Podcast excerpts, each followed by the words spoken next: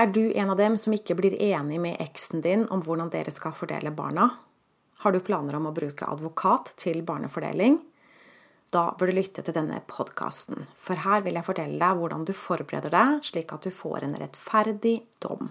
For det kommer ikke av seg selv, og det er kanskje mer opp til deg enn du er klar over.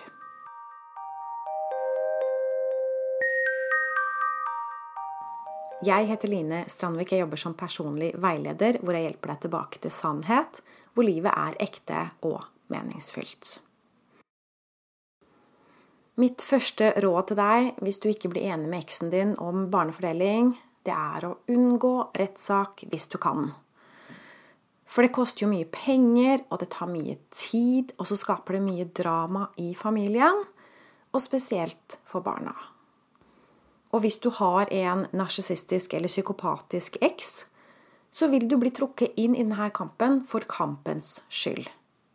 Det er en måte å fortsette forholdet på, fortsette å få deg til å reagere på. Det er deres metode til å fortsatt merke deg, føle deg, få deg til å føle. Og det er, som du vet, ikke et sunt forhold, og ikke et forhold som bør fortsette på noe som helst måte. Så hvis det ikke er noe poeng med en rettssak, hvis du kan unngå det, så unngå det.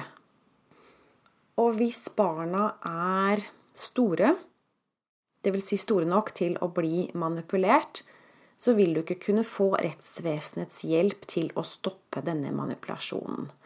En rettssak vil sannsynligvis bare øke lojalitetskonflikten som barna står i, som gjør at det blir mye verre for barna. Og det er vel ikke det som er målet. Hvis du trenger å motvirke manipulasjon, som eksen din utsetter barna for, så trenger du å styrke deg selv. Du kan ikke bruke andres styrke. Du kan ikke lene deg på en advokat eller lene deg på et rettssystem eller lene deg på familievernkontor eller noe sånt. Du er nødt til å lene deg mer på deg selv og få hjelp til å styrke ditt forhold til barna. Så styrke deg selv. Det er en bedre måte å gå frem på enn å bruke et rettsapparat. Men hvis du ikke kan unngå rettssak, og du føler at det er riktig, det er ikke noe vei utenom. Det du skal huske på da, er at du er din egen advokat også ved barnefordelingen. Så det er ikke sånn at du har funnet en advokat, og da er jobben gjort. Da kan du klappe i hendene, lene deg tilbake og tenke sånn, da fikser advokaten resten. Nei, det er slett ikke sånn. Ikke la alt være opp til advokaten. For det første så er det din jobb å få advokaten til å se hele bildet. Du må også selge deg inn til advokaten først. Du må selge inn saken din sånn at advokaten virkelig forstår deg til bunns og vet akkurat hvordan din skal, sak skal fremstilles på en god måte. Og i retten du kan heller ikke lene deg tilbake her, for du kan bli stilt spørsmål, du må svare. Og selv om ikke du blir stilt spørsmål, så vil din fremtoning bli analysert, vurdert og lagt til grunn for dommen. De vil se på deg. Virker dette som en troverdig person? Virker det som den personen han eller hun selv fremstiller seg selv for, for å være?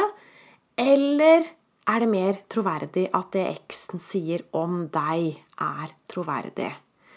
Så det er noen forberedelser du bør gjøre før du oppsøker advokat, og før du opptrer i retten. Så husk på det, du er også din egen advokat ved barnefordeling. Og så vil jeg du skal forstå hvordan du får en rettferdig dom i retten. I dagens samfunn så lever de fleste av oss veldig oppi hodet og for lite nede i kroppen og nede i følelsene. Og når vi gjør det, så blir vi lette å manipulere.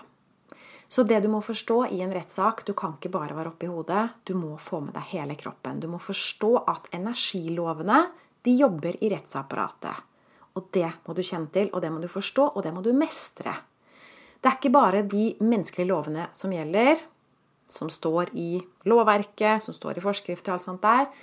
Det er energilover, det er fysiske lover. Og hva mener jeg egentlig med det? Med det mener jeg at hvis du blir sint, hvis det virker som du er en hevngjerrig person, så vil det falle dårlig ut for din del. Selv om det er kanskje en god grunn til at du er frustrert og forvirra, så er det ikke sikkert de ser det, at de oppfatter det med det første. Så det virker som om du er bare ute etter bråk, rett og slett. Et annet eksempel er hvis du virker svak, eh, usikker, vinglete. Kanskje virker det som om du er ikke i stand til å ta vare på et barn. Du er ikke i stand til å holde deg til avtaler. Kanskje det eksen sier om deg, er sant så kan du se hvordan det uttrykket du gir, den energien du sender ut, den blir fanga opp, og den teller ved dommen. De færreste tar seg tid til å lære om, forstå og mestre energilovene før de går inn i en rettssak.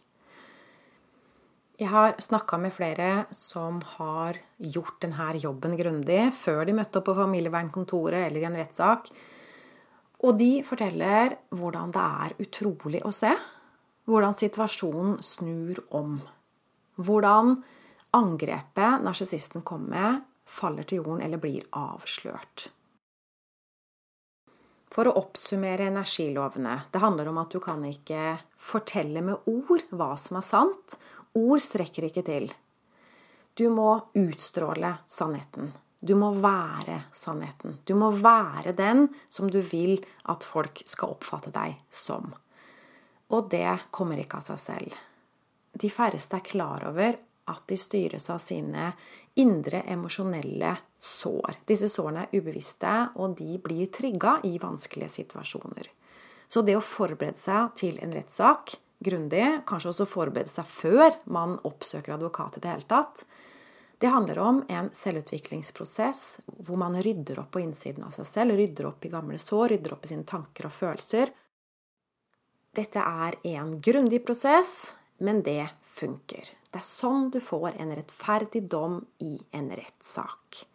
Det nytter ikke bare å tro at du kan holde deg til loven, holde deg til advokaten. Du er også nødt til å transformere deg selv.